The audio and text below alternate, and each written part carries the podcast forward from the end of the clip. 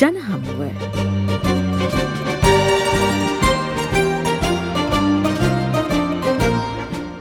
අයිබෝවන් දයිබර හිතවතුනේ. දැනටමත් අප මුහුණදී ඇති කොරුණා වසංගත තත්ත්වයක් සමඟ ලෝකයම අඩපන වෙලා. ලෝකයේ ප්‍රබල දැවන්ත රාජ්‍ය අද අසරණ වෙලා. ඒ බව ඔබ හොඳින්ම දන්නවා. ඉතින් ඒ වගේ පසුබිමක අපේ මේ පුංචි රට හරිම වාසනාවන්තයි. අපේ ජනාධිපතිතුමාටත් අගමැතිතුමාටත් සෞඛ්‍ය සේවා අධ්‍යක්ෂ ජනරාල්තුමා ප්‍රමුඛ සෞඛ්‍ය සේවයටත් ත්‍රිවිධ හමුදාවටත් අත්‍යවශ්‍ය සේවාවන්හි නියුතු දෙවිවරුවන් මිනිසුන්ගේ කැපවීමට අපි ආචාරය කිරීමත් අපගේ යුතුයකමක් වෙනවා.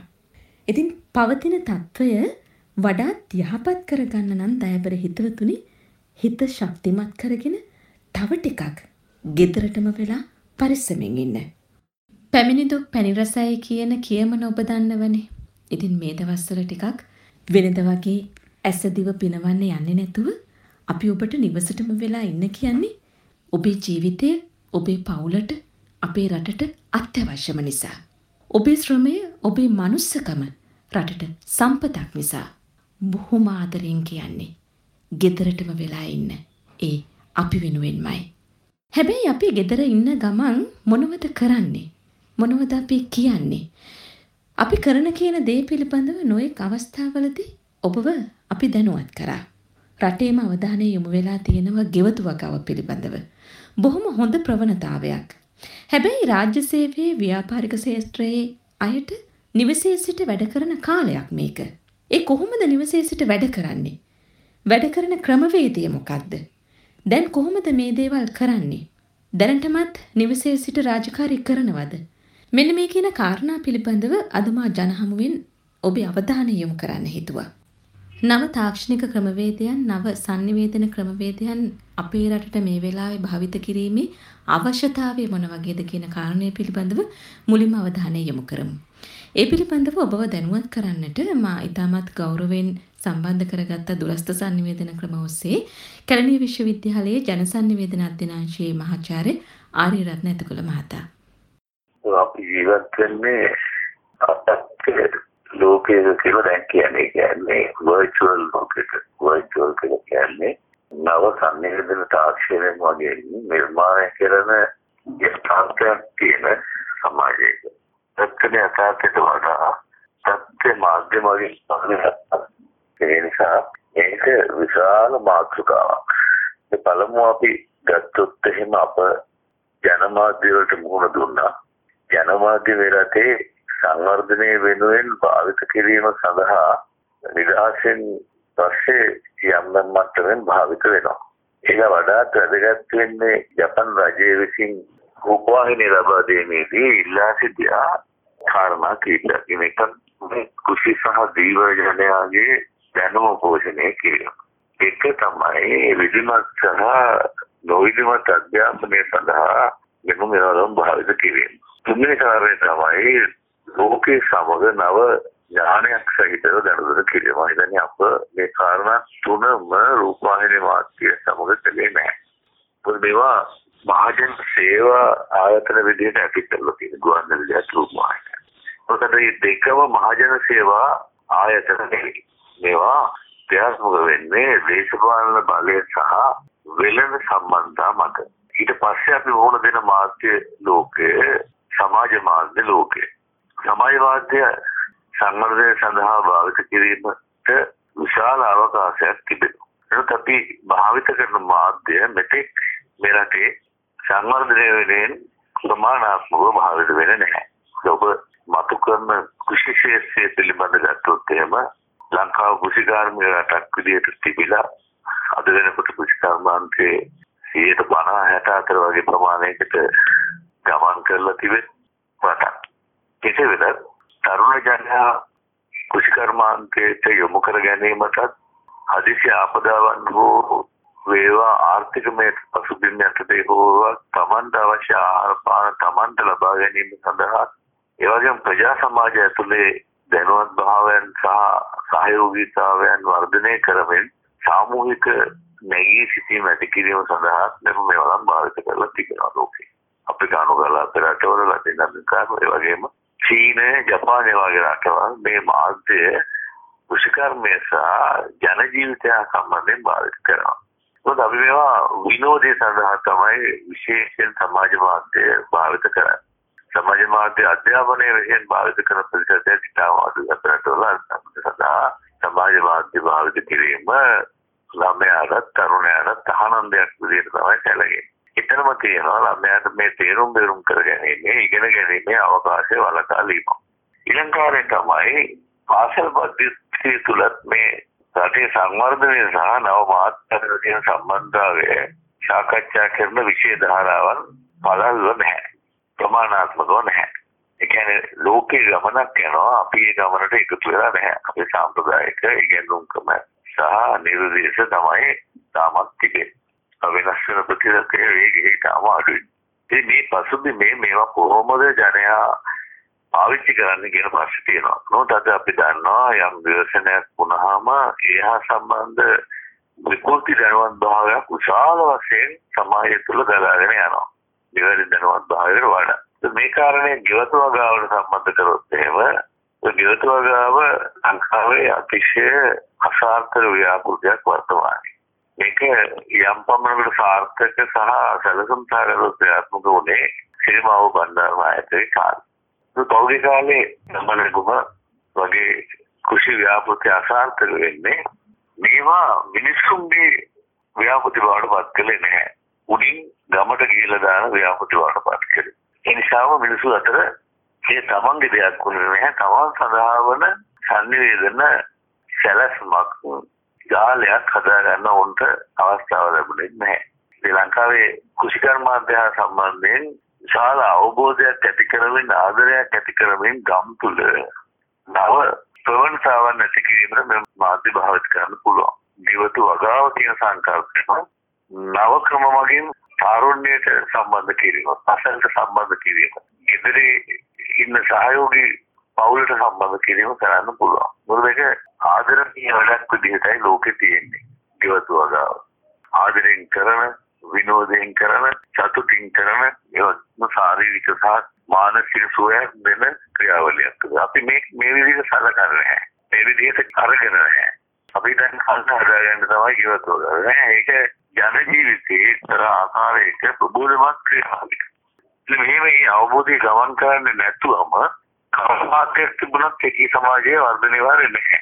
ඔව් මහාචාර්යතුමනි දැන් විශේෂයෙන්ම දැන් ගෙවතු වගාව එක් පැත්තකින් තියෙද්දි අපි දන්නවා මේ ව්‍යසනයත් එක්කම අපේ තරුණ ප්‍රජාව නව නිෂ්පාදන නව නිර්මාණ රැසක්ම සිද්ධ කරා. දැන් වෙන රටවල් වලින් අපි මෙතෙක් කියපුණු දේවල් ලයිවට ආදේශක විදියට අපේ තරුණයෝ අපේ නිර්මාණයන්හි යෙදුණා. නව නිපැයුම් කීපයක්ම නිර්මාණය කරලා තියෙනවා. වෙනත් අනිත් පැතිවලට කුසල ශාස්ත්‍රයට වගේම අනිකුත් ශාස්ත්‍රවලටත් මෙවැනි නව නිර්මාණ සඳහා නව තාක්ෂණය භාවිත කිරීමේ තියෙන වැදගත්කම පිළිබඳව අපි අපේ අවධානය යොමු කරමු. පැහැදිලි. අතරම පෙරදිනේ විශ්වවිද්‍යාලයේ කටුබැද්ද විශ්වවිද්‍යාලයේ ප්‍රමුඛව ස්වාධීන දැනුවත් තරුණයන් මෙහා සම්බන්ධ නව ක්‍රියාමාර්ග ගෙනාවා. බලමුව තමයි මේ මුව ආරක්ෂා කිරීම සඳහා වන නිවලම හැදීම. දෙවනුවම වෛද්‍ය විද්‍යාත්මක පරීක්ෂණයන් බටහිර සමාජයේ අසාර්ථක වෙද්දී අද වෙනකොට මා දැක්කා අධ්‍යාලය තුළ රොබෝවරෙක් හදලා තියෙනවා. ෆෝන් එකට වෛද්‍යවරයාගේ සියලුම තොරතුරු ගන්න පුළුවන් රෝගියාගේ සියලුම තොරතුරු ගන්න පුළුවන්. ඉතින් මේ වගේ ක්‍රියා මම හිතන්නේ ගණනාවක් කරලා මේ ක්‍රියාව ගත්තාම මම හිතන්නේ ආසියාවේ වමනක් නෙවෙයි මුළු ලෝකෙම විශේෂ හැබැයි අපි කවදාකවත් මෙවැනි තරුණ නිර්මාණ වලට හැබැයි අගයමක් දීලා නැහැ. ඕන පීඩාවට පත් කළා ඕන අසාර්ථක චරිත බවට පත් කළා තියෙන්නේ මේ ලාංකේය ඉතිහාසයේ පුරාම. මෙවැනි නිතරම කරලා තියෙනවා විවිධ අවස්ථාවල තමයි. එන්න මේ කේදවාදයේ සමාජයත් මොහොත දෙන්න පුළුවන්. මොකද හේතුව රජයකට තේරෙන්නේ නැහැ කොහොමද මෙවැනි තරුණයින්ට අත දෙන්නේ. එහෙම නැත්නම් මෙවැනි ක්‍රියාමාර්ග ජාතික සංවර්ධනය භාවිත කරන්න කොහොමද? එහෙනම් හොයන්න අමාත්‍යාංශයක් නැහැ. කවර අමාත්‍යාංශ තිබුණත් ඒ වගකීම හරියට ගන්න බව මම දකින්නේ නැහැ. ප්‍රායෝගික අපේ අත්දැකීමම දන්නවා. අපි මේ හුදකලා භාවයක ඉන්නේ. ඔබ කොරියාව ගත්තොත්, චීනය ගත්තොත්, ජපානය ගත්තොත් අපි දන්න ආකාරයේ ඉතින් ඔව් මෙවැනි දේවල් වහවහ ගන්නවා. ඕන් බලාගෙන ඉන්නේ එවැනි දේවල් උත්පාදනය වෙනකම්. මේක එංගලන්තෙට ගියත් ඇමරිකාවට ගියත් එහෙම තමයි විශ්වවිද්‍යාල වල තරුණය අලුත් දේවල් නිපදවනකම් රජයත් ඒ වගේම වෙළඳ සමාජයත් බලාගෙන ඉන්නවා. ඔබ වැත්තොත් එහෙම අපේ ස්මාර්ට් ෆෝන් එකේ වර්ධනය වන වේගය ඉතා විශාලයි. මාසෙන් දෙකකින් හයෙන් අලුත් අලුත් දේවල් එනවා. මේ ඔක්කොම තාරුණ්‍ය පරීක්ෂා ප්‍රතිඵල. බටහිර සමාජයේ. අපි එහෙම මේ අහම්බෙන් හොයිදා විශේෂිත ලෝකේ බොහෝ තැන්වල කරන්න බැරි දේවල් කරන තාරුණ්‍ය පවා මගහැරලා යන විද්‍යාත්මක දැනුමින් හීන පරිපාලන සමාජයක ජීවත් වෙන්නේ. ඒක මම හිතන්නේ මේවා තමයි අපි මේ කොරෝනා පසුබිමේ තේරුම් ගන්න ඕන කරන්නේ. අපි කොතෙන්ද රට අරන් යන්න ඕන කරන්නේ. මේ රෝගේ නිවාරණය වුණාට පස්සේ ඒහා සමග ඉතිරි වෙන ඥානයන් ඒහා සමග ඉතිරි වෙන පරිවේශන ඒහා සමග ඉතිරි වෙන හැසිරීම අපි කොහොමද වර්ධනය කරගෙන ඉදිරි සමාජයට දායාද කරන්න කියන එක මම හිතන්නේ රජයේ පොදු මාධ්‍ය සහ පොදු වෙනත් ආයතන වලත් එක්තරා වගකීමක් විදිහටයි මම සලකන්නේ. ඔව් මහජාතුම දැන් විශේෂයෙන්ම රජය ප්‍රකාශයට පත් කරලා තිබුණ අප්‍රේල් 3 දක්වා නිවසේ සිට රාජකාරී කටයුතු කළ යුතුයි කියලා. නමුත් ඒ සඳහා ඔබ සඳහන් කර පරිදි විද්‍යාත්මක දැනුම පරිපාලනයට අපේ රාජතන්ත්‍රයේ යොමු කරගෙන තියෙන තත්ත්වයන් ඉතාමත් අලසයි අපි දකිනවා. ඇත්තටම රාජ්‍ය ආයතන මේ නව තාක්ෂණය භාවිත කරලා සක්‍රීය දායකත්වයක් මේ අවස්ථාවේ ලබා දෙනවද කියන එක කවුරුත් දන්නවා. ඇයි මේ රාජ්‍ය ආයතන තවමත් නිවසේ සිට රාජකාරී ඉෂ්ට සිද්ධ කරන්නට මේ තරම් මැලිකමක් දක්වන්නේ ඔබේ අදහස? පදන්න අධ්‍යයනයේ පළවෙනි කාර්යය තමයි රාජ්‍ය සේවය අතිශය දුර්වල වීම. විශේෂයෙන් ආයතනවල තාක්ෂණික මෙවලම් ඇති වුණ පහුගිය අවුරුදු 10 වගේ කාලයක් හැම නිලධාරියෙකුටම නූතන පරිගණකයක් සහිත අන්තර්ජාල පහසුකම් තිබෙනවා. උගාක් ප්‍රධාන පරිපාලකයින්ගේ මේසෙ උඩ හොඳම පරිගණකයක් තිබෙනවා, හොඳම පිටරේ තිබෙනවා. නමුත් උන් අල්ලලවත් නෑ අවුරුද්දකට. එතකොට කොහොමද මේ ආයතනයේ වර්ධනය වෙන්නේ? ඒ ආයතනයේ දැනුම ලබා ගන්න. පළවෙනි කාරණය තමයි ලංකාවේ කාර්යාල තාක්ෂණයත් එක්කලා කාර්යාල ජාලාගත කිරීම සම්බන්ධයි. මොකද හේතුව ආයතනයක අංශ 20ක් තිබුණොත් හැම අංකයකටම තියෙන ෆොටෝකෝපිෂන් එකක්. මේ විදිහට බොහොම නොදියුණු තත්ත්වයක් ලංකාවේ සහ ලොකු වේදම් සහිත තත්ත්වයක් භාවිත වුණා. මේක ජාලාගත කරගන්න අපි අසමත් වුණායි පළවෙනි අදියරේදී. දෙවෙනි එක තමයි කාර්යාල ක්‍රමයේදී පරිගණකයේ මතින් එහෙම නැත්නම් ලිපි උමාරු සිදු වෙනවා පරිගණකයේ. මෙන්න මේ ලිපි පාර ගැනීමේ තත්ත්වවත් ඇති කරගන්න බැරුණා. අපි තාමත් අර කොලොනියල් කාලේ ඇති කරපු කොලේ දර්ශන කරපු ලිපිය පිළිබඳ සහ අර ජරාවට නූලෙන් බැලුව ෆයිල් එක පිළිබඳ තමයි විශ්වාසය තියෙන්නේ. ඉතිගොන විශ්වාසය විශ්වාසය තියෙන්නේ. පරිගණකයේ හරහා එන ලිපියක් බාර ගැනීමේ වගකීමක් අපතර මම ඒක කාර්යවත් ඒ වගේම ගත්තේ නැහැ. එච්චරක රිවිව් ගොඩක් රිවිව් මගේ ජීවිතේ තියෙනවා. ඒ දෙවෙනි අවස්ථාව. දැන් අපි එළඹෙන්නේ තුන්වෙනි අවස්ථාව. තුන්වෙනි අවස්ථාව තමයි දැන් අපි ගෙවල් වල ඉන්නේ. අපි ගෙවල් වල වැඩ කරන්න පහසුකම් හෝ ඇයි එහෙම බැරි කියන එක. ආයෙත් මේක දිගටම පවත්වාගෙන යන කුකරණ සාර්ථක කරගෙන ඒක හොඳයි. ඒක උදේට රාජ්‍යයෙන් පාරබස සහ විශාල පදපදයක්. විශාල වාහන තුගයක් පාර යනවා. ඒව නවත්ත ගන්න පුළුවන්. පරිසර දූෂණය නවත්ත ගන්න පුළුවන්. විදුලි බලය අඩු කර ගන්න පුළුවන්. ගෙවල් වල වැඩ කරලා කිව්වා මේක මේ වැරදි කාරණයක් නෙමෙයි. දැන් මෙතන තියෙන ගැටලුව තමයි පළවෙනි කාරණය අපිට කියන මේ Wi-Fi පාසුකම් කියන එක ලංකාවේ ඉතාම වැරදි එකක්.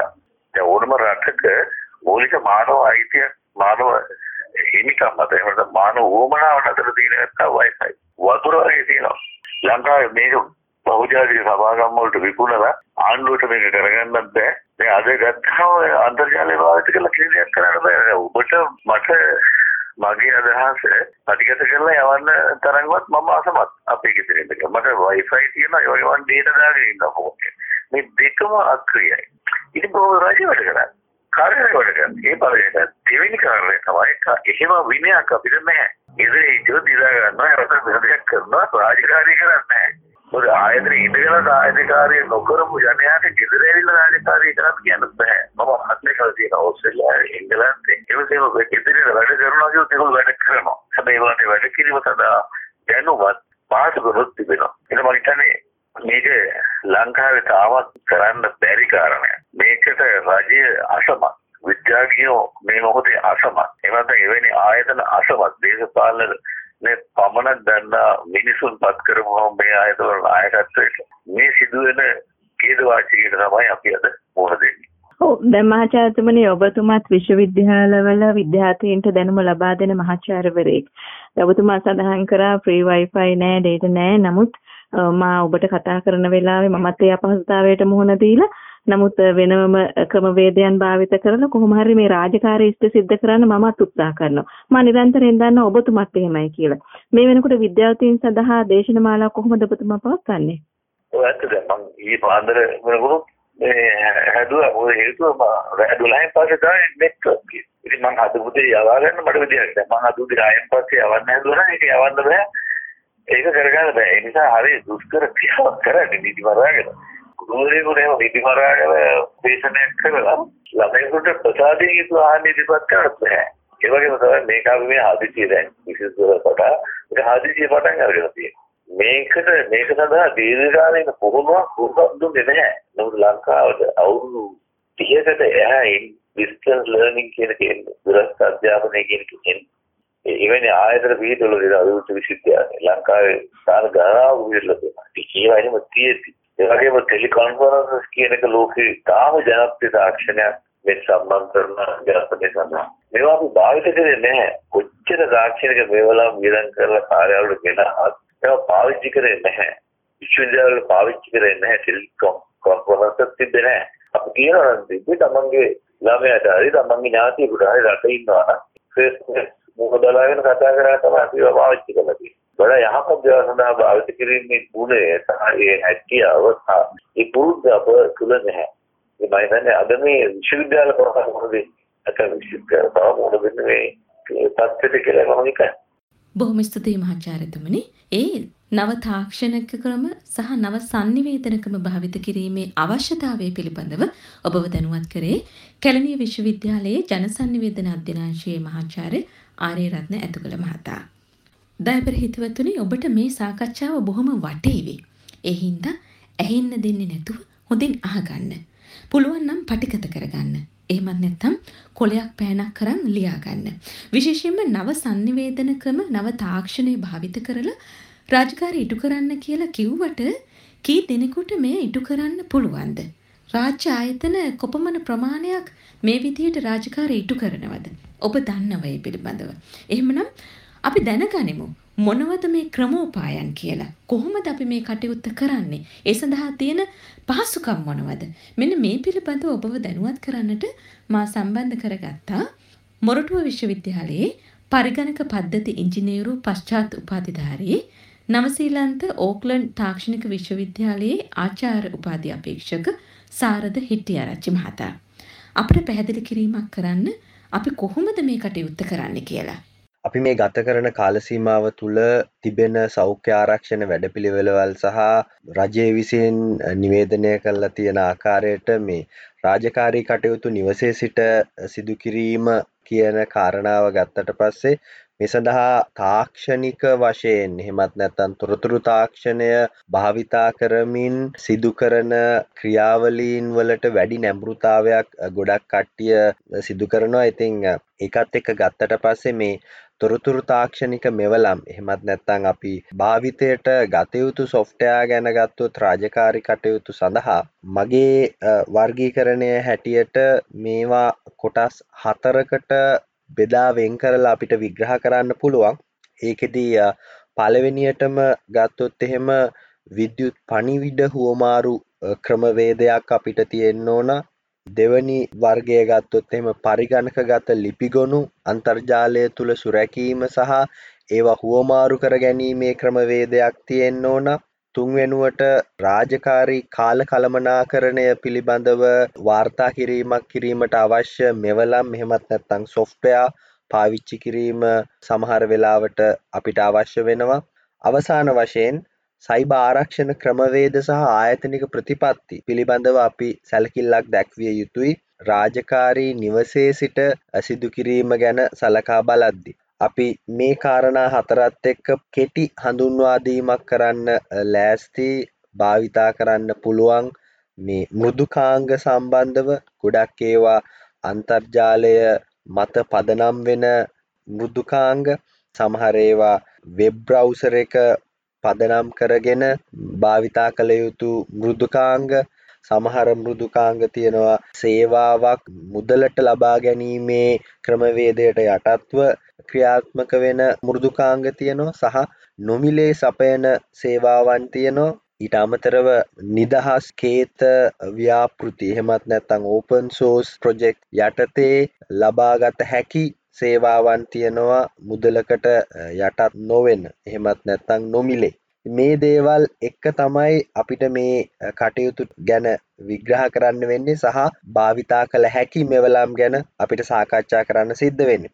මූලිකව අපි ගත්තොත් එහෙම අපේ පළවෙනි වර්ගය එහෙමත් නැත්නම් මේ වර්ගීකරණයේ පළවෙනි හඳුන්වාදීම විද්‍යුත් පණිවිඩ හෝමාරු ක්‍රමවේදය. මේ විද්‍යුත් පණිවිඩ හෝමාරු ක්‍රමවේදයක් කියලා කිව්වහම අපි ගොඩක් වෙලාවට කියන්නේ ඔන්ලයින් කමියුනිකේෂන් මම ඉංග්‍රීසි භාෂාවේ සමහර වචන භාවිතා කරනවා මේ අවස්ථාවේදී. මොකද මේක තාක්ෂණික විග්‍රහ කිරීමක් හින්දා සමහර තාක්ෂණික විග්‍රහ කිරීම් අපි සිංහල භාෂාවට පරිවර්තනය කරලා විග්‍රහ කරනවට වඩා ඉංග්‍රීසි භාෂාවේ තියෙන වචනම භාවිතා කිරීම මම හිතනවා. අපේ සහෘදයන්ට තා පහසුවෙන් අවබෝධ කර ගැනීමට හැකියාවක් තිබෙන නිසා. ඉතින් මේ විද්‍යුත් පණිවිඩ හෝමාරු ක්‍රමවේදය ගැන ගත්තොත් එහෙම ආකාර ක්‍රීපයකට මේ විද්‍යුත් පණිවිඩ හෝමාරු සිද්ධ කරන්න පුළුවන්. පළවෙනියටම ගත්තොත් එහෙම මූලික වශයෙන් ඔබ දැනගන්න ඕන ඔබට නිවසේ සිට රාජකාරී කරනවා නම් ඒ සඳහා තොරතුරු තාක්ෂණය භාවිතා කරනවා නම් නැත්නම් ඒ සඳහා අන්තර්ජාලය භාවිතා කරනවා නම් මූලිකව වැදගත් වෙන කාරණාව තමයි ඔබට විද්‍යුත් ලිපිනයක් තියෙන්න ඕන. එහෙමත් නැත්නම් ඊමේල් ඇඩ්‍රස් එකක් තියෙන්න ඕන. මේ ඊමේල් ඇඩ්‍රස් එකක් ගැන කතා කරද්දී සමහර වෙලාවට ඔබගේ ආයතනය විසින් ඔබට විද්‍යුත් ලිපිනයක් ලබා දීලා තියෙන්න පුළුවන්. එහෙමත් නැත්නම් රාජකාරීමේ විද්‍යුත් ලිපිනයක් ඔබහට ලැබිලා තියෙනවා වෙන්න පුළුවන්.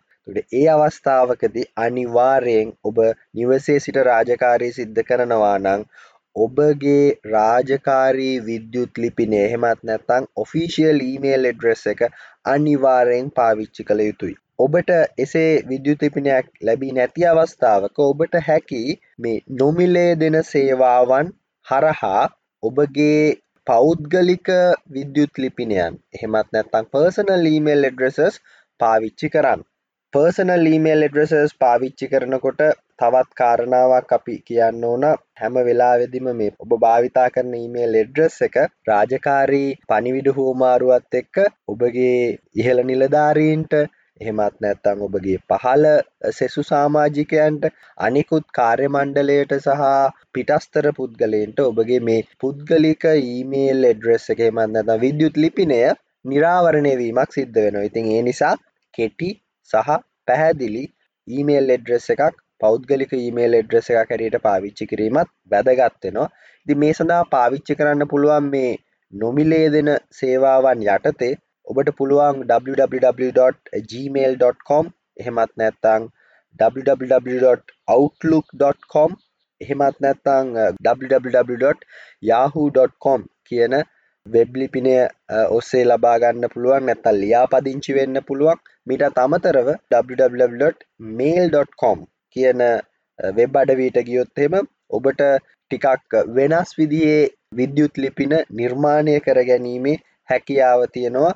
විවිධ ඩොමේන් නාමයන් යටතේ. ඉතිං ඔබගේ විද්‍යුත් ලිපිනය සකස් කරගත්තට පස්සේ ඉන් අනතුරුව තවත් වැදගත් මෙවලමක් තමයි මිෂණික පණිවිඩ කියන එක ඔබ දන්නවා ගොඩක් ජංගම දුරකතන භාවිතය සහ ජංගම දුරකතන යෙදවුම් එහෙමත් නැත්තං මොබයිල් ඇපලිකේෂන්ස් භාවිතය සෑහෙන දුරකට වැඩි වෙලා තියෙනවා ලංකාව වගේ රටක් ගත්තට පස්සේ. මේ ෂනික පණිවිඩ එහෙමත් නැත්තං ඉන්ස්ටන් මැසේජස් හෝමාරු කරගන්න පුළුවන් ජංගම දුරකතන මෙවලම් ගත්තොත් එහෙම ගොඩාක් ප්‍රසිද්ධ ඔබ දන්න WhatsApp වයිබ ඉමෝ ටෙලිග්‍රෑම් ඊට අමතරව ඔබ සමාජජාලයක් හැටියට හඳුනාගන්න නමුත් ඔවුන් විසින් හඳුන්වා දීපු මෙවලමකුත් තියෙනවා ෆස්බුක් මැසෙන්ජ මිට අමතරව තවත් බොහෝ ෂනික පණිවිඩ මෘදුකාංග ඔබට දකින්න පුළුවන්.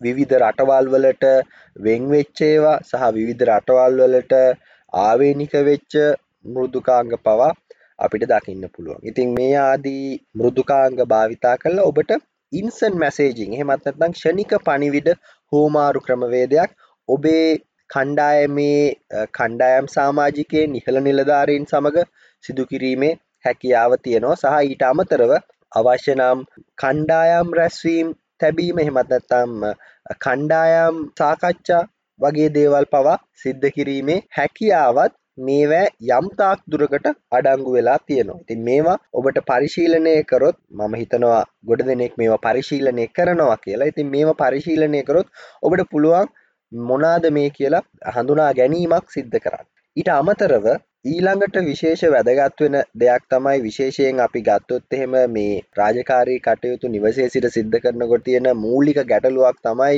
තියෙන සාකච්ඡා රැස්වීම් සම්මන්ත්‍රණ වගේ දේවල් වලට වෙනදට ගිහිලා සහභාගී වුණා. නමුත් මේ අවස්ථාවේදී සහභාගී වීම සිදු කරන්න බැහැ. මුහුණට මුහුණ සාකච්ඡා කිරීමට ඉතින් මේ සඳහා ක්‍රමවේද මොනාද කියන එක ගැන ගොඩක් කට්ටියට ප්‍රශ්න තියෙනවා. ඉතින් මේ කොටසට අපි හඳුන්වනවා ටෙලි සම්මන්ත්‍රණ එහෙමත් නැත්නම් ටෙලි කොන්ෆරන්සිං ෆැසිලිටීස් කියන එක අද ලෝකෙ ගත්තොත් එහෙම ලෝකේ ඉන්න බලවත්ම රටවල් වල ඉන්න නායකයන් පවා මේ ටෙලි කොන්ෆරන්සිං සොෆ්ට්වෙයා භාවිතා කරලා අනිත් රටවල් වල ඉන්න ලෝක නායකයින් සමග සම්බන්ධතා පැවැත්වීම සිද්ධ කරනවා. ඉතින් ගොඩාක් වෙලාවට ඔබට අහන්න ලැබෙන වචනයක් තමයි මේ ස්කයිප් කියන වචනේ. ඉතින් මේක අපි ස්කයිප් මෘදුකාංගය හැටියට හඳුන්වා දෙන්න කැමති ගොඩක් කට්ටිය ස්කයිප් තාක්ෂණය කියලා හඳුන්වා දෙනකොට ඉතින් ස්කයිප් මෘදුකාංගය භාවිතා කරලා මේ ටෙලි සම්මන්ත්‍රණවලට ඔබට සහභාගී වෙන්න පුළුවන්. නැත්තං අනිත් සාමාජිකයින්ට ආරාධනා කරලා ඒ හරහා ඔබේ සම්මන්ත්‍රණය කණ්ඩායම් සම්මන්ත්‍රණයක් හැටියට පවත්වාගෙන යෑමේ හැකියාව තියෙනවා. ඉතින් මේ මෘදුකාංගය ඔබට නොමිලේ බාගත කරගන්න පුළුවන් අන්තර්ජාලය හරහා ඊට අමතරව නොමිලේ ලබාගත හැකි සේවාවන් අපිට අන්තර්ජාලය හොයාගන්න පුළුවන් හැකියාව තියෙනවා. ඒ වගේ කීපයක් මම හඳුන්වා දෙන්නම්. එකක් තමයි jitsi.org වෙබ්ලිපිනයට ගියොත් jitsi.org කියන වෙබ්සයිට් එකට ගියොත් එහෙම ඔබට පුළුවන් නොමිලේ ටෙලි සම්මන්ත්‍රණයක් සිද්ධ කරන්න. ඉතින් මේක සමහර අවස්ථාවන් වලදී අපි හඳුන්වනවා වෙබ් කොන්ෆරන්සිං කියන වචනේ. මොකද වෙබ් අඩවියක් පාවිච්චි කරලා තමයි අපි මේක සිද්ධ කරන්නේ. ඊට අමතරව zoom.us කියන වෙබ් අඩවිය හරහා අපිට පුළුවන් ඔන්ලයින් මීටින් එකක් රේන්ජ් කරගන්න. ඉසම්.us කියන වෙබ් අඩවියට ගියොත් එහෙම ඔබට මේ පිළිබඳ වැඩි විස්තර ලබාගන්න පුළුවන්. මේ සේවාවත් නොමිලේ සපයා ගැනීමට හැකියාව තියෙනවා යම්තාක් දුරකට. ඉතා වැඩි පිරිසක් සමග සහ වැඩි පහසුකම් සමග ඔබට ඔබේ සම්මන්ත්‍රණය සිද්ධ කරන්න අවශ්‍ය නම් ඒ සඳහා යම් කිසි මුදලක් අය කිරීමක් සිද්ධ කරනවා. ඊට අමතරව තවත් මුදලකට යටත්ව සපයන සේවාවක් සිස්කෝ සමාගම විසින් හඳුන්වා දීලා තියෙන webex.com වෙබ් අඩවිය ඔස්සේ පවත්වාගෙන යන වෙබෙක් ටෙලිකොන්ෆරන්සිං නැත්තං වෙබ් කොන්ෆරන්සිං ෆැසිලිටස් මේ කොරෝනා වුවදුරත් එක්ක ඇතිවෙන තත්ත්වයන් හඳුනාගෙන ඔවුන් විසින් නොමිලේ මේ සේවාව දැන් සපයනෝ. ඔබට පුළුවන් වෙබෙක්.com කියන වෙබ් අඩවියට ගිහිල්ලා ඒ අදාළ මෘදුකාංග භාගත කරලා මේ සේවාව ලබාගන්න ඉට අමතරව join.me කියන වෙබ් අඩවියට ගියොත් එයත් වෙබ් කොන්ෆරන්සිං වලට භාවිතා කරන්න පුළුවන් වෙබ් අඩවියක් ඉතින් ඒ සඳහාත් ඔබට පුළුවන් ප්‍රවේශ වෙලා මොනාද තියෙන පහසුකන් කියලා සංසන්ධනය කරලා ඔබගේ රාජකාරී කටයුතු කිරීමට වඩාත් පහසු සේවාව තෝරා ගැනීමේ හැකියාව තියෙනවා. ඊට අමතරව මම කතා කරන්න කැමති මේ දුරස්ථ පරිගණක පරිශීලනය රිමෝට් කම්පියුට ඇක්සස් අපි ගෙදර පාවිච්චි කරන්නේ අපේ අපි ගාව තියෙන පෞද්ගලික අපි පරිහරණය කරන පරිගණකේ. ඉතින් රාජකාරී ලිපිගොුණු තියෙන්නේ අපේ ආයතනය තියෙන පරිගණකේ. මේ වගේ අවස්ථාවන් මේ ප්‍රායෝගික අවස්ථාවන්. මේ වගේ වෙලාවකට අපිට සිද්ධ වෙනවා අපේ රාජකාරී කටයුතු සිද්ධ කරන පරිගණකයට නිවසේ ඉඳලා සම්බන්ධ වෙන්න. මේ වගේ අවස්ථාවකදී අපිට පාවිච්චි කරන්න පුළුවන් ටීම්වීව.කොම් කියන වෙබ් අඩවියේ තියෙන මෘදුකාන්ගේ එහෙමත් නැත්තං ඔබ පාවිච්චි කරන්නේ ක්‍රෝම් බ්‍රවසර එක නං අන්තර්ජාලය පරිහරණය කරන්න. මේ ක්‍රෝම් බ්‍රවසර එකට වෙනමම අපි කියනවා සොෆ්ටයා ඉන්ස්ටෝල් කරන්න පුළුවන්. මේවට අපි කියන ඇඩෝන්ස් කියලා. ඉතින් මෙන්න මේ ක්‍රෝම් රිමෝට් සපෝට් ඇඩෝන් එක ඉන්ස්ටෝල් කරලත් අපිට හැකියාව තියෙනවා අපේ බ්‍රවසර එක පාවිච්චි කරලා රාජකාරී කටයුතු කරන පරිගණකය සමඟ සම්බන්ධ වෙන්න හැබැයි මේ මම කියන හැම මෘදුකාංගයක් ගත්තොත් එහෙම මේකේ අමතර කන්ෆිගරේෂන් නැත්තම් අමතර සුසර කිරීම් සිදු කිරීමේ අවශ්‍යතාවයක් තියෙන ඔබේ රාජකාරී කටයුතු කරන පරිගණකේ. මොකද ඒ පරිගණකේත් මේ අදාළ මෘදුකාංගයට අවශ්‍ය පහසුකම් එහෙමත් නැත්නම් ඒ මෘදුකාංගයම ස්ථාපනය කරලා තියෙන්න ඕනේ. එහෙම නැති අවස්ථාවක දුරස්ත පරිගණක පරිශීලනය කරන්න බෑ. මේ කියන මෘදුකාංග අපේ ගෙදර පරිගණකයේ ස්ථාපනය කරලා තිබ්බා කියලා. මේකට තවත් අපිට නොමිලේ ලබා ගන්න පුළුවන් සේවාවන් තියෙන වෙබ් අඩවි තියෙනවා. ඒ වගේ තවත් වෙබ් අඩවියක් තමයි tigervnc.org කියන වෙබ් අඩවිය. මේ තමයි මම කතා කරපු පළවෙනි කොටස නැත්තම් විද්‍යුත් පණිවිඩ හෝමාරු ක්‍රමවේදය කියන එක යටතේ අපි කතා කරපු කොටස් අතර විද්‍යුත් ලිපිනයක් තියෙන්න ඕන ෂණික පණිවිඩ හෝමාරු කර ගැනීමේ ක්‍රමවේදයක් ටෙලි සම්මන්ත්‍රණ පැවැත්වීමේ ක්‍රමවේදයක් සහ අවසාන වශයෙන් දුරස්ථ පරිගණක පරිශීලනයට අවශ්‍ය මෙවලම් ගැන අපි කතා කරා. ඉතින් දෙවැනි කොටස ගැන ගත්තොත් එහෙම පරිගණකගත ලිපිගොනු අන්තර්ජාලය තුළ සුරැකීමේ ක්‍රමවේදයක්. එහෙමත් නැත්නම් අපි කියන මේ ඔෆිස් ඩොකියුමන්ට්ස් කොහොමද ඉන්ටර්නෙට් එකේ සේව් කරන්නේ? එහෙමත් නැත්නම් ක්ලවුඩ් සර්විස් එකක් පාවිච්චි කරලා කොහොමද අපේ ලිපිගොනු අන්තර්ජාලයේ සුරක්ෂිත කරන්නේ එතකොට අපිට පුළුවන් හැකියාව තියෙනවා අන්තර්ජාල පහසුකම තියෙන ඕනෑම කෙනෙක්ට මේ අදාළ ලිපිගොනුව පරිශීලනය කිරීමට අවස්ථාව සලසලා දෙන්න. ඔබගේ ඉහළ නිලධාරයට අවශ්‍ය වෙනවා යම්කිසි ලිපියක් සකස් කරගන්න ඔබ හරහා. ඔබට කරන්න පුළුවන් ක්‍රමවේදය තමයි ඔබේ පරිගණකයේ තියෙන ලිපි සැකසීමේ මෘදුකාංග ගොඩක් වෙලාවට අපි පාවිච්චි කරන්නේ මයිකෝසොෆ්ට් ඔෆිස් පැකේජ් එක එහෙමත් නැත්තං නොමිලේ සපයා ගන්න පුළුවන් ඒ හා සමානම පහසුකන් තියෙන මෘදුකාංග ගොන්නක් තියෙනවා. ඒ එකක් තමයි ලිබ්‍රේ ඔෆිස්. අර මම කියපු නිදහස් කේත ව්‍යාපෘතිය හරහා සපයා දෙන පහසුකං යටතට මේ ලිබ්‍රේ ඔෆිස්.org වල තියෙන ඔෆිස් පැකේජ් එක හඳුන්වන්න පුළුවන්. ඒ පරිගණක මෘදුකාංග ඔබේ පරිගණක ඒ තියෙනවා නම් ලිපිය නිර්මාණය කර ගැනීමේ හැකියාව තියෙනවා. ඉන් අනතුරුව ඔබට කරන්න වෙන්නේ අර මම මුලින් කියපු විද්‍යුත් පණිවිඩු හෝමාරු ක්‍රමවේදයක් කරා ඔබේ ඉහළ නිලධාරියා සමග හෝමාරු කර ගැනීම. එහෙම නැත්නම් ෂෙයා කර ගැනීම තමයි සිද්ධ කරන්න වෙන්නේ. මේක සමහර වෙලාවට අපහසු කාරණාවක් වෙන්න පුළුවන් මොකද සමහර වෙලාවට ඔබ ලිපිය නිර්මාණය කරනවා ඉහළ නිල්ධාරියත් සමඟ හුමාරු කරගන්නවා ඔහු කියනවා මෙන්න මේ වෙනස්කං කරන්න කියලා ඒ වෙනස්කං කරලා ආයෙත් ඔබ ඉදිරිපත් කරනවා නැවතත් කියනවා මේ වෙනස්කං කරන්න කියලා වැරදි හදන්න. මේ වගේ දේවල් ගොඩාක් එහා මෙහා වෙනකොට සමහර වෙලාවට එකම ලිපිය දහ දොළොස් ගමන විද්‍යුත් පණිවිඩ හෝමාරු ක්‍රමවේද නැත්තං ඊමේල් එකක් හරි වත්සැප් කරලා හරි සිද්ධ කරන්න සිද්ධ වෙනවා. මෙන්න මේක මගහැරවා ගන්න පුළුවන් ඔබේ ලිපිය අන්තර්ජාලයේ යම්කිසි ස්ථානයක සුරක්ෂිත කරලා තියෙනවා. එතන තිබෙන අන්තර්ජාල ලිපිනේ එහෙමත් නැත්තං වෙබ් ලිපිනය ඔබේ ඉහළ නිල්ධාරයට සපයනවා ඔහු විසින් ඒ තියෙන URL එක බලලා ඔබේ ලිපිය කියවනවා වෙනස්කම් තියෙනවා නම් ඔබට දැනුම් දෙනවා.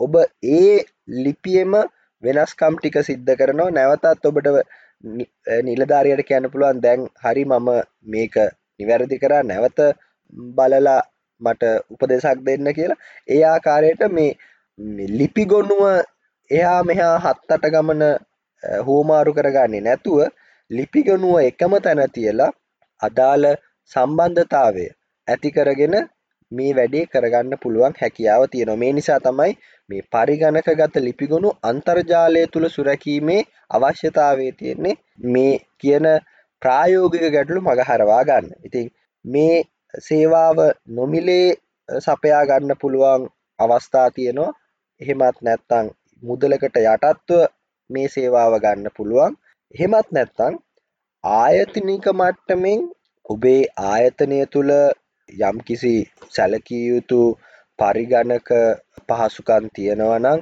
ඔබට පුළුවන් ආයතනික මට්ටමේම ස්ථාපනය කරපු මේ වගේ සේවාවන් ලබා ගන්න. ඉතින් මේ නොමිලේ සේවාවන් ගැන කතා කරද්දී Google සමාගම අපිට ලබා දීලා තියෙනවා ගොඩක් ලොකු සේවාවන් ප්‍රමාණයක්. ඉතින් ඒ යටතේ අපි අර කියපු මේ ඔෆිස් පැකේජ් එකත් Google සමාගම විසිනුත් හඳුන්වා දීලා තියෙනවා. ඒ වගේම පරිගණකගත ලිපිගොනු අන්තර්ජාලය සුරැකීමට Google සමාගම නිර්මාණය කල්ලා තියෙනවා Google Drive කියන ඔවුන්ගේ නිර්මාණය නැත්තං සේවාව ඉතින් මේක ඔබට ලබාගන්න පුළුවන්. ඔබට Gmail එඩ්‍රෙස් එකක් තියෙනවා නම් බොහොම ලේසියෙන් ලබාගන්න පුළුවන්. එහෙමත් නැත්තං ඔබේ ආයතනික විද්‍යුත් ලිපින Google සමාගමේ ස්ථාපනය කල්ලා තියෙන විද්‍යුත් ලිපින සේවාවත් එක්ක සම්බන්ධ කල්ලා තියෙනවන ඒ අදාළ ඊමේල් එඩ්‍රෙස් එක හරහත් මේ කියන drive.google.com web අඩවියට පිවිසිලා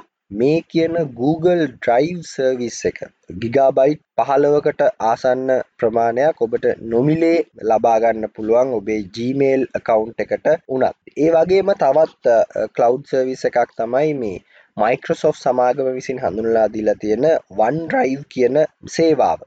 Microsoft Office package එක භාවිතා කරන පුද්ගලයෙක් නම් ඔබට හරි ලේසියෙන්ම මේ සේවාව ලබාගන්න පුළුවන්. මොකද මේ සේවාව මයිකෝසොෆ්ට් පැකේජ් එකත් එක්කම නැත්තම් ඔෆිස් පැකේජ් එකත් එක්කම ලබා දෙන සේවාවක්. ඉතින් ඔබට පුළුවන් ඔබේ ඔෆිස් ඩොකියුමන්ට්ස් සේව් කරනකොට මේ කියන OneDrive එකටම සේව් කරන්න. නැත්තම් cloud storage එකටම සේව් කරන්න පුළුවන් හැකියාව ඔබට ලැබෙනවා. ඊට අමතරව dropbox.com කියන වෙබ් අඩවිය හරහත් ගොනු සුරක්ෂිත කිරීමේ අවස්ථාව අපිට සැලසෙනවා. මේ කියන නොමිලේ හෝ ගෙවීමකට යටත්ව සපයන පරිගණක ගත ලිපිගොනු සුරැකීමේ ක්‍රමවේදයක් එක්ක මේ ලිපිගොනු නිර්මාණය කියන නැත්තං ලිපිගොනු සැකසීම කියන එක සැබැඳිලා තියෙනවා ගොඩාක් වෙලාවට. ඒ නිසා තමයි මයික්‍රසෝෆ් සමාගමේ ඔෆිස් පැකේජ් එකත් එක්ක මේ වගේ සේවාවක් සපයන්නේ. Google සමාගම ඔවුන්ගේ තියෙන මේ Google Drive කියන එකත් සම්බන්ධ කරලා තියෙන.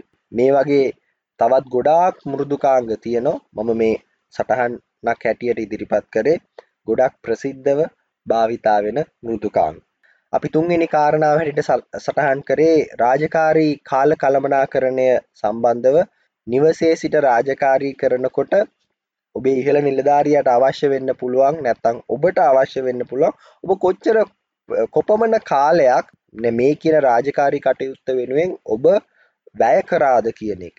සමහර වෙලාවට ඔබේ ව්‍යාපෘති කණ්ඩායම කොච්චර සේවාවක් සිද්ධ කරාද මොන කණ්ඩායම් සාමාජිකයාද වැඩිපුර වෙලාවක් වැය කරේ මොන කණ්ඩායම් සාමාජිකයා මොන ක්‍රියාවද මොන රාජකාරියද මේ වෙනකොට අවසාන කරලා තියෙන්නේ මේ වගේ දේවල් අපිට මැන බැලීමක් සිද්ධ කරන්න වෙනවා. මේ රාජකාරි කාල කළමනාකරණය ගත්තොත් එහෙම අපිට කොටස් දෙකක් එක්ක විග්‍රහ කරන්න පුළුවන් එකක් තමයි කණ්ඩායම් ක්‍රියාකාරකම් හා ව්‍යාපෘති හැසිරවීම සම්බන්ධව ඇති මෘදුකාංග. මේවා තමයි work from home කියන කන්සෙප්ට් එක යටතේ ප්‍රොජෙක්ට් මැනේජ්මන්ට් වගේ දෙයක් සිද්ධ කරනකොට ව්‍යාපෘතියක් කළමනාකරණය කරනකොට මේවා අපි පාවිච්චි කරනවා. ඒකෙදි ගොඩාක් වෙලාවට නොමිලේ සපේන සේවාවන් ගැන කතාකරොත් එහෙමත් නැත්තං මුදල්ලකට යටත්ව නමුත් මුල් අදියරේ නොමිලේ ඒ සේවාව සපයන වෙබ් අඩවි ගැන කතාකරොත් මම වෙබ් අඩවි කීපයක් සඳහන් කරන්නම්. ඔබට පුළුවන් පරිශීලනය කල්ලා අදහසක් ගන්න. එකක් තමයි ආසනා.com ASANA.com ඉට අමතරව basecamp.com BASECAMP.com සහ freedcamp.com frwedcamp.com ඊළඟ කොටස තමයි මේ කාල ගණනය කියන එක. හරියටම පැයගාන වැඩ කරනවද කියන එක ඔබට ඔබ විසින්ම මේ ගණනය කිරීමක් කරන්න. එහෙම නැත්තං ආයතන ප්‍රධානීන්ට පුළුවන් ඔබ සිද්ධ කරපු රාජකාරී කොච්චර පෑගානක් සිද්ධ කල්ලා තියෙනද පරිගණකේ දිරිපිට රැඳී සිටීම සිද්ධ කළත් ආයතනයට අවශ්‍ය වැඩේ කරන්න කොච්චර වෙලාවක් වැය කරාද කියලා සොයා ගැනීම කරන්න පුළුවන් මෘදුකාංගත් ලෝකයේ හඳුන්වා දීලා තියෙනවා. ඉතින් කාල ගණනය සඳහා අන්තර්ජාලයේ තියෙන බහුලව පාවිච්චි කරන වෙබ් අඩවි දෙකක මෘදුකාංග තියෙනවා. ඉතින් ඔබට පුළුවන් ඕනනම් ඒ පිළිබඳ සොයා බැලීමක් කරන්න. clockify.me clockify.me කියන වෙබ් අඩවියේ මේ මෘදුකාංගයක් තියෙනවා. ඔබට නොමිලේ භාවිතා කරන්න පුළුවන්.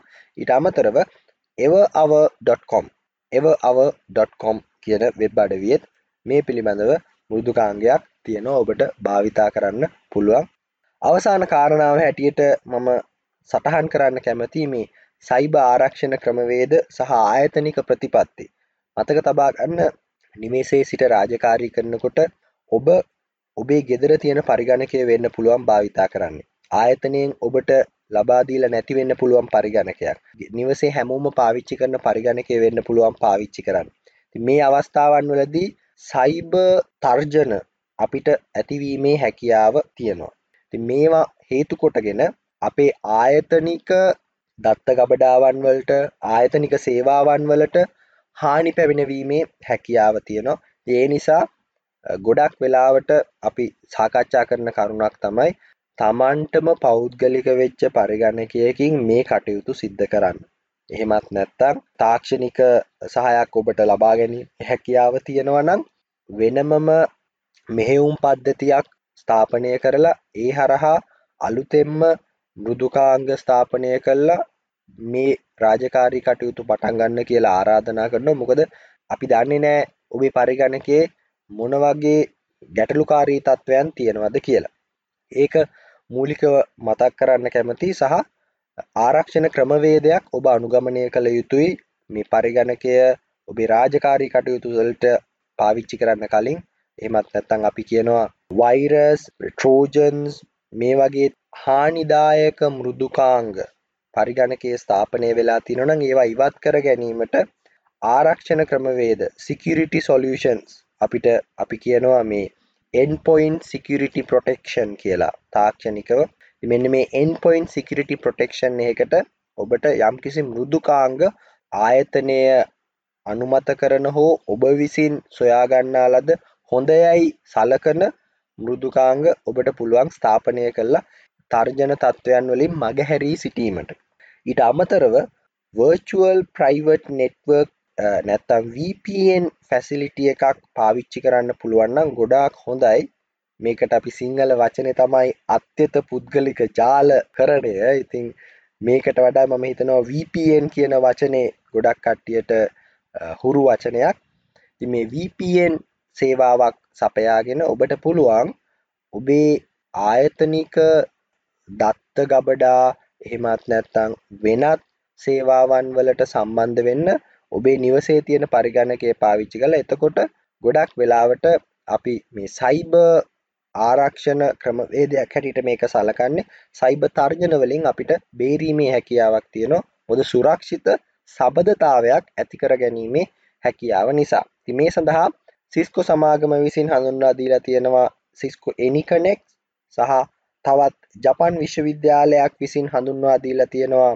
softether.org කියන වෙබ් අඩවිය හරහා බාගත කරගත හැකි මෘදුකාංගයක් VPN software එකක්. ඉතින් මේ VPN ෆැසිලිටිය එක සිද්ධ කරන්න නම් ඔබේ ආයතනයේ පරිගණක පද්ධති ඉංජිනේරුවන් එමත් නැත්තං පරිගණක ජාල කරන ඉංජිනේරුවන්ගේ සහයෝගය ඕන මොකද? ඔබේ ආයතනය තුළත් යම් කිසි මෘදුකාංග ස්ථාපනය කිරීමක් සිද්ධ කළ යුතු වන නිසා. ඉට අමතරව ආයතනික ප්‍රතිපත්ති ගැනත් ඔබ සැලකිලිමත් වෙන්න ඕන. මේ නිවසේ සිට රාජකාරී සිද්ධ කරනවන මොකද තොරතුරු තාක්ෂණික ප්‍රතිපත්ති සහ පුරුදු ඔබේ ආයතනයටම වෙන් වෙච්චේවා තියෙන්න්න පුළුවන්. ඒ පිළිබඳව සැලකිලිමත් වෙන්න අපි කියනවා ICT පොලිසි එකක් ආයතනයට තියෙන්න ඕන. ඔබේ ආයතනයේ පරිගණක ජාලයක් තියෙනවා නම් පරිගණක පාවිච්චි වෙනවා නම් ඒ සඳහා වෙනම ප්‍රතිපත්ති තිබිය යුතුයි ආයතනික වශයෙන්. ආයතනයක් තුළ කොයි විදියටද මේ තියෙන සම්පත් භාවිතා කළ යුත්තේ කියලා ඔබට අවබෝධයක් තියෙන්න ඕන. සහ ආයතනය මගින් නියම කිරීමක් සිද්ධ කරලා තියෙන්න ඕන. ඉතින් එහෙම නොවනත් ඔබ විසින් ස්වයං විනයක් ඇතුව මේ දේවල් භාවිතා කරනවා නම් මේ හැම දෙයකින්ම අපිට පාලනය වෙන්න පුළුවන් හැකියාව තියෙනවා. හොඳයි දැන් යම් කිසි ගැටලුවක් තියෙනවා නම් ඔබතුමාගෙන් උපදෙසක් ගන්න පුළුවන් ක්‍රමවේදයක් තියෙනවද අපේ හිතවතෙකුට? ඔබට හැකි මගේ විද්‍යුත් ලිපිනය හරහා සම්බන්ධ වෙන්න සාරදෑට්.ed.sarada.com එහෙමත් නැත්නම් මගේ පුද්ගලික වෙබ් අඩවිය www.edsarada.com හරහා එහි ඇති මාර්ගගත ෂණික පණිවිඩ හෝමාරු කර ගැනීමේ සේවාව හරහා ඔබට මහා සම්බන්ධවීමට හැකියාව පවතින්. බොහොම ස්තුතියි ඔබට ඒ මොරටුව විශ්වවිද්‍යාලයේ පරිගණක පද්ධති ඉංජිනේරු පශ්චාත් උපාධිධාරී නවසීලන්ත ඕක්ලන්ඩ් තාක්ෂණික විශ්වවිද්‍යාලයේ ආචාර්ය උපාධි අපේක්ෂක සාරද හිටියාරච්චි මහතා. දැන්ම ඔබේ අවධානය යොමු කරනවා මේ ක්‍රියාවලියට සක්‍රිය දායකත්වයක් ලබා දෙන කතිකාචාර්යවරයෙකුගේ අත්දැකීම් ගෙන එන්න. කොරෝනා වෛරසය නිසා ලෝකයේ මඩපණ උනේ කලින් දැනුවත් කරලා නෙවිනේ. ෂණිකව යම් යම් අවශ්‍ය ක්‍රියාමාර්ග ගත යුතු වුණා. ඒ වුණත් නිවසේ සිට තමන්ගේ රාජකාරී ඉටු කිරීම වෙනුවෙන් අපි අප කැපවීම මේ වෙලාවේ අපගේ පරම යුතුයකමක්. ඉතින් මෙතෙක් භාවිත නොකළ ක්‍රමවේදයන් සොයාගනිමින් තමන්ගේ යුතුයකම ඉටු කරන්න මේ අපූර්ව තරුණ කතිකාචාර්යවරයා වෙහෙසුණා. ඒ අත්දැකීමයි මේ. මේ ශ්‍රී ලංකාව රජරට විශ්වවිද්‍යාලයේ ජනසන්නිවේදන විෂය උගන්වන කතිකාචාර්ය නිලංග ජයසිංහ. අපිට අතිගරු ජනාධිපතිතුමා ප්‍රකාශ කළා මේ ව්‍යසනකාරී තත්ත්වයෙන් පසුවන මේ මොහොතේදී තමන්ගේ රාජකාරිය කෙසේ හෝ නිවසේ සිට ඉටු කරන තත්ත්වයකට ගෙන එන්න කියලා එය විශ්වවිද්‍යාල ප්‍රතිපාදන කමිෂන් සභාව හරහා අප වෙත දැනුම් දී තිබෙනවා මතක් කරන්න කැමති අපේ විශ්වවිද්‍යාලයේ ශ්‍රී ලංකා රජරට විශ්වවිද්‍යාලයේ උපකුලපතිතුමා ඒ වගේම අපගේ අංශාධිපතිතුමා ඒ වගේම අපගේ පීඨාධිපතිතුමා මේ සියලු දෙනාම අපට ආචාර්යවරුන්ව දැනුවත් කිරීම සිදු කළා මෙම චක්‍රලයක යනු කටයුතු කිරීමට අපට ලැබුණු යොමු කිරීම වලට අනුව කොහොමද අපේ ශිෂ්‍යයින් සමග මේ අධ්‍යාපන කටයුතු ඉස්සරහට කරගෙන යන්නේ කියන පිළිබඳව දැනුවත් කිරීම සිදු කළා. එහිදී මා විශේෂයෙන්ම ජනසන්නිවේදන විෂය හදාරන්න නිසා අපගේ ශිෂ්‍යයින් ඔස්සේ සම්බන්ධ වීමට නව මාධ්‍ය එහෙම නැත්නම් නිව් මීඩියා මේ සෝෂල් මීඩියා කියන ප්ලැට්ෆෝම් එක භාවිතා කරන්න පුළුවන් කියන එක මට ඇත්තටම හිතුණා. ඉතින් මම ඒක භාවිතා කරලා ඒගොල්ලන්ට කොහොමද ඒගොල්ලන්ට මේ අධ්‍යාපනය මේ මේ වෙලා විශ්වවිද්‍යාල පද්ධතියම වසා දමා තිබෙන මොහොතක අන්තර්ජාලය භාවිතා කරමින් කොහොමද මං ඔවුන් වෙත ළඟා වෙන්නේ ඔවුන්ට කොහොමද පාඩම් කියලා දෙන්නේ කියන එක පිළිබඳව පොඩි අධ්‍යයනයක් සිදු කළා. ඒ අධ්‍යයනයක් සිදු කරාම මට දැනගන්නට ලැබුණා මේක අපිට විවිධාකාරී ක්‍රම තියෙනවා අන්තර්ජාලය ඔස්සේ ශිෂ්‍යයින්ට අධ්‍යාපනය ලබා දීමට අපි මේක හඳුන්වනු ලබනවා e-learning කියලා. එතකොට අපට විශාල වශයෙන්ම අපට LMS කියලා අපිට විශේෂයෙන්ම තියෙනවා මෙතඩ් එකක්. ලර්නින් මැනේජ්මන්ට් සිස්ටම් කියන එක. මේ මේ සිස්ටම එක යටතේත් අධ්‍යාපනය දැනට විශ්වවිද්‍යාලවල සිදුවනවා. ඊලර්නිං හරහත් විශ්වවිද්‍යාලවල uh, රාජ්‍ය විශ්වවිද්‍යාලවල මෙම කටයුතු සිද්ධ වෙනවා. නමුත් ඒවැ පලදායි භාවය uh, කෙසේ හෝ ඉහළ තත්වයකට ගෙනීමට අප තව මීට වඩා කටයුතු කරන්න ඕන කියන එක මාගේ පෞද්ගලික විශ්වාසය. නමුත් මේ ව්‍යසනකාරී තත්ත්වයේදී අපට කිසිම දෙයක් නැවත අලුතෙන් පටන් ගැනීමට හෝ නව තියෙන දෙයක් දියුණු කර ගැනීමට තියෙන කාලය හැටියට තමයි මට මේ මොහොතේදී සිතෙන්නේ. ඉතින් මම හිතුවා මේ වෙලාවේ අපි මොකද්ද e-learning කියන එක පාවිච්චි කරන්න පුළුවන් කොහොමද කියන එක සම්බන්ධයෙන්. මම අන්තර්ජාලය ඔස්සේ ගන්නන්න කරුණු හොයමින් සිටිනකොට මට හම්බුණා ඇප් එකක්. ඒ ඇප් එකේ නම තමයි Zoom කියන ඇප් එක. මේ Zoom කියන ඇප් එකට අමතරව ගොඩාක් ඇප්ස් තියෙනවා. මේ Zoom ඇප් එකේ විශේෂත්වය තමයි කොන්ෆරන්සින්, වීඩියෝ කොන්ෆරන්සින් කියන ෆැසිලිටි එක මේකේ දීලා තියෙනවා. ඉතින් අපිට ඕනේ කලේ එක අවස්ථාවකදී මට මේ කුඩා කණ්ඩායමකට කොහොමද මගේ sannivedana ක්‍රියාවලිය යොමු කරගන්නේ කියන එක. ඉතින් එහිදී මට හඳුනාගන්න ලැබෙන දේ තමයි Zoom ඇප් එක කියන එක භාවිතා කිරීමේදී මේ ක්‍රියාවලිය ඉතාමත් ඵලදායී ලෙස යොදා ගන්න පුළුවන් කියන එක. ඒ සඳහා මම මුලින්ම කළේ මේ Zoom app එක පිළිබඳ අධ්‍යයනයක් කළා. ඊට පස්සේ මට ඕනේ කළා මේ Zoom app එක කොහොමද මේකේ ක්‍රියාවලිය සිද්ධ වෙන්නේ කියන එක අපේ දරුවන්ට කියලා දෙන්න. මම ඒ සඳහා කරපු පළවෙනි දේ තමයි මම YouTube වීඩියෝ එකක් ක්‍රියේට් කළා how to use Zoom app for online teaching කියලා. ඉතින් මම ඒකෙදි සූම් මැප් එක මගේ Apple iPhone එකට ඒ වගේම Android ෆෝන් එකට මේ දෙකටම ඩවුන්ලෝඩ් කරලා මේක පියවරෙන් පියවර ඉන්ස්ටෝල් කරගන්නේ කොහොමද සහ මගේ ශිෂ්‍ය ශිෂ්‍යාවන් කීප දෙනෙකුට මම කතා කරලා ඒගොල්ලන්ට මේකේ ලින්ක් එක යවලා ඒගොල්ලන්ටත් මේක ඉන්ස්ටෝල් කරවලා මේකේ කොහොමද මේක ප්‍රායෝගිකව භාවිතා කරන්න කියන එක මම ඒගොල්ලොත් එක්ක මුලදිම අත්දැක බැලුවා. මම ඔවුන්ගේ ඒකේ වීඩියෝ එකකුත් ලබා ගත්තා. ලබාගෙන මම ඒ සියලුම වීඩියෝස් එකතු කරලා මම YouTube වීඩියෝ එකක් හැදුවා. මේ ආකාරයට කොහොමද මේ අන්තර්ජාල ඉගැන්වීම් ක්‍රියාවලියට මේ Zoom app එක යොදාගන්නේ කියන එක. සම්බන්ධයෙන් මේක පළදායි app එකක් නිසා මම මේ app එක කොහොමද භාවිතා කරන්න කියන එක පිළිබඳව මෙම වීඩියෝ එක නිර්මාණය කළා. නිර්මාණය කළා මම YouTube එකට මේක අප්ලෝඩ් කරලා ඊට පස්සේ මාගේ ශිෂ්‍ය ශිෂ්‍යාවන් වෙත මම මේක ෂෙයා කිරීම සිද්ධ කළා. ඒ අතරදී ඔවුන් එම් වීඩියෝ එක බලලා ඒ වීඩියෝ එකේ ලැබුණු තොරතුරු වලට අනුව ඔවුන් සියලු දෙනාම මේ app එක download කරන්න පටන් ගත්තා. ඒ වගේම අනිකුත් විශ්වවිද්‍යාවලත් මේක තියෙනවා. අපේ මේ ශිෂ්‍යයින් එකතු වෙලා ආචාර්යවරුන් මේ අපි හැමෝම නව මාධ්‍ය භාවිතා කරන නිසා අපි හැමෝම Viber groups, WhatsApp groups, ඒ වගේම මේ ආකාරයේ Facebook groups මේ වගේ අපි නව මාධ්‍යවල groups සමගින් එකතු වෙලා ඉන්නවා. ඒක sannivedana කටයුතු සඳහා වඩාත් පහසු නිසා. ඒ සඳහා ඒ විෂයට අදාළ කෝඩිනේටර්ස් ලව පත් කළ ඔවුන් එම ඇප් එක ඩවන්ලෝඩ් කරලා ඒ වගකීම බාරගත්තා. මෙහිදී අපිට මේ සියයට සියක් මේ සාර්ථකව කිරීමට නොහැකි නමුත් මේ ව්‍යසනකාරී තත්ත්වයේදී මේ ආකාරයෙන් හෝ මේ කර ගැනීමට හැකියවීම පිළිබඳව ස්තුතිවන්ත වෙනවා අපගේ ශිෂ්‍ය ශිෂ්‍යාවන්ට. එහිදී මා මේ මුලින්ම අත්දැක බැලීමක් ලෙස සිදු කිරීමට යොදාගත්තේ අපේ ජනසන්නිවේදනය ශ්‍රී ලංකා රජරට විශ්වවිද්‍යාලයේ ජනසන්නිවේදන විෂය හදාරන විශේෂවේදී කණ්ඩායමේ අවසන් වසරේ සිටින ශිෂ්‍ය ශිෂ්‍යාවන් යොදා ගැනීම තමයි මම මුලදීම සිද්ධ කළේ. ඉන් පස්සේ මම කරපු දේ තමයි මම ඔන්ලයින් ක්ලාස්රූම් එකක් කරනවා කියන එක ඔවුන්ට දැනුම් දුන්නා. ඊට පස්සේ ඔවුන්ට ඇත්තටම මේකේ තියෙන එක වාසියක් තමයි මට ඕන වෙලාවක මේක පුළුවන් පාවිච්චි කරන්න මට මේකේ ඊලර්නින් වල තියෙන විශේෂ වාසියක් තමයි Tamanට කැමති වෙලාවක පුළුවන් Tamanට පන්ති කාමරය පවත්වන්න. ඉතින් මම මේ වෙලාව යොදාගත්තේ ඔවුන් සියලු දෙනාටම පහසු වෙලාවක් වෙච්ච හවස් වරුවක්. හවස 6ට පමණ මම කිව්ව සියලු දෙනාටම අන්තර්ජාලයේ ඔන්ලයින් අන්තර්ජාලයට පැමිණෙන්න කියලා. ඉතින් සියලු දෙනාම පැමිණ සිටියා. මම මාගේ පරිගණකයේ මෙම ඇප් එක ඉන්ස්ටෝල් කරගෙන මම ඔවුන් හා සම්බන්ධ වීමට සියලු කටයුතු හවස 6 වෙනකොට යෙදුවා. ඉතින් ඉතාමත් සන්තෝසයි ඒ සියලු දෙනාම දිවයිනේ විවිධ ප්‍රදේශවල හිටියා. අනුරාධපුර දිස්ත්‍රික්කයේ හිටියා. ඊට පිට දිස්ත්‍රික්කවල හිටියා. ඉතින් මේ හැමතැනම ඔවුන් සිටියා. ඉතින් ඔවුන් මා සමග මේ ලයිව් ක්ලාස්රූම් එකට මේ අන්තර්ජාල පන්තියට සහභාගී වීමට කැමැත්තෙන් ඔවුන් සම්බන්ධ වුණා. ඉතාමත් සන්තෝසයි මොකද මේ වගේ වෙසනකාරී තත්ත්වක නැවත විශ්වවිද්‍යාලයේ ඔවුන් පන්ති කාමරේදී මට හම්බ වෙන ආකාරයෙන්ම ඔවුන් තිරයේ මත යොමු වුණා. මෙම මෘදුකාංගයේ ඇත්තරම තියෙන දෙයක් තමයි මේක ෆ්‍රී ඇප් එකක් නොමිලේ අපිට හම්බෙන ඇප් එකක්.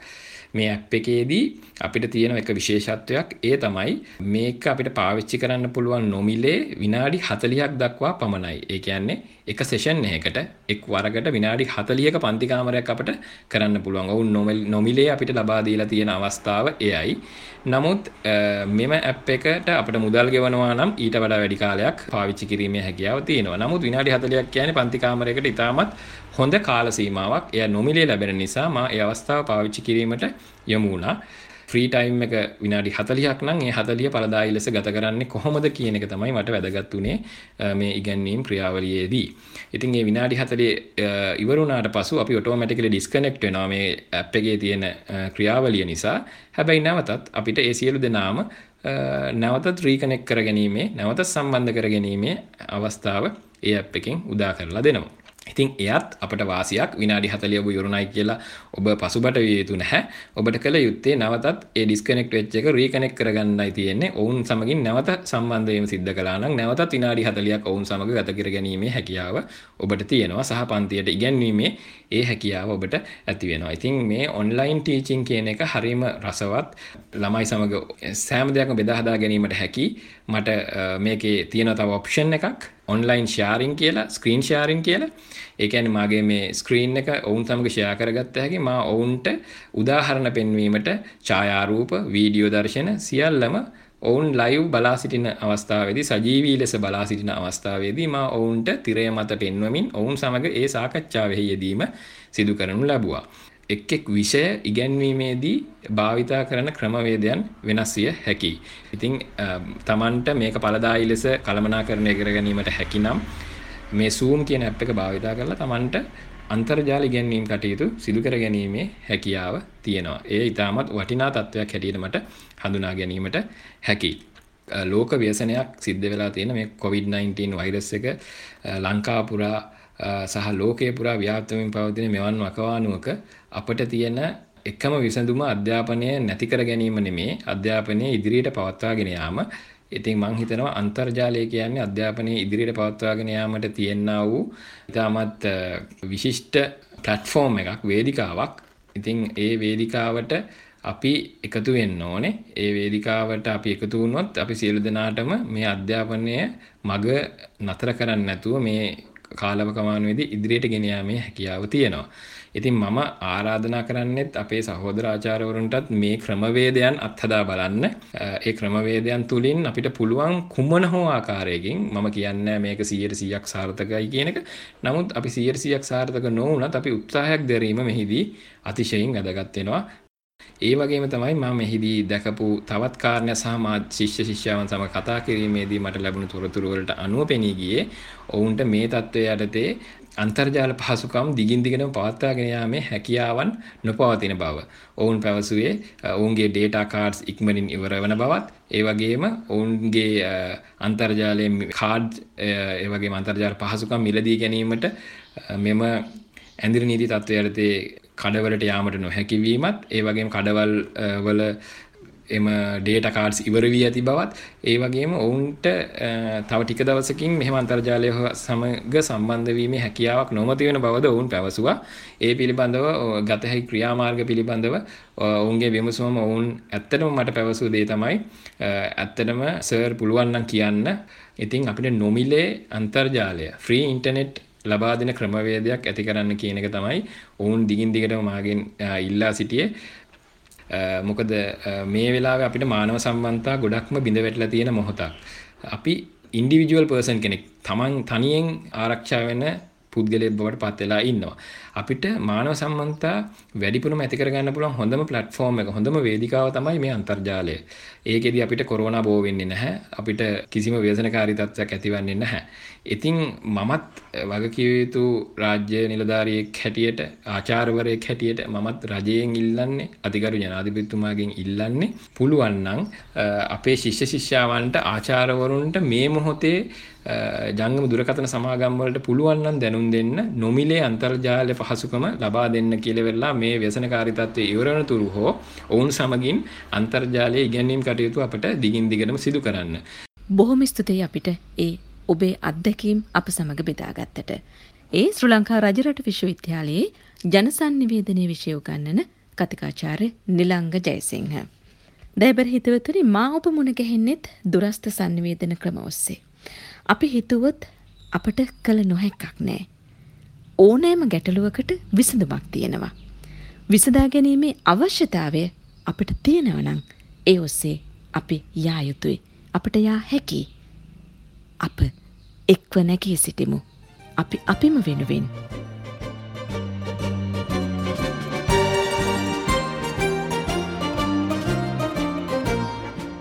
යළිත් ලබන බදාදා ජනහමුවෙන් හමුවමු. මම ප්‍රියන්තනය ගමගේ යහම්පත් ඔබට යහපතක්ම වේවා.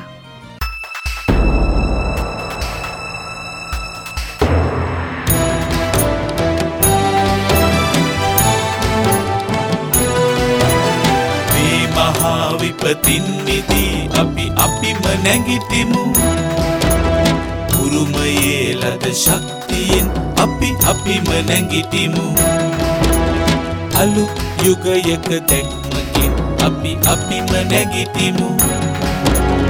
එකම දැයකට හිස නමා අපි අපිම නැගිටිමු. අපි අපිම නැගිටිමු.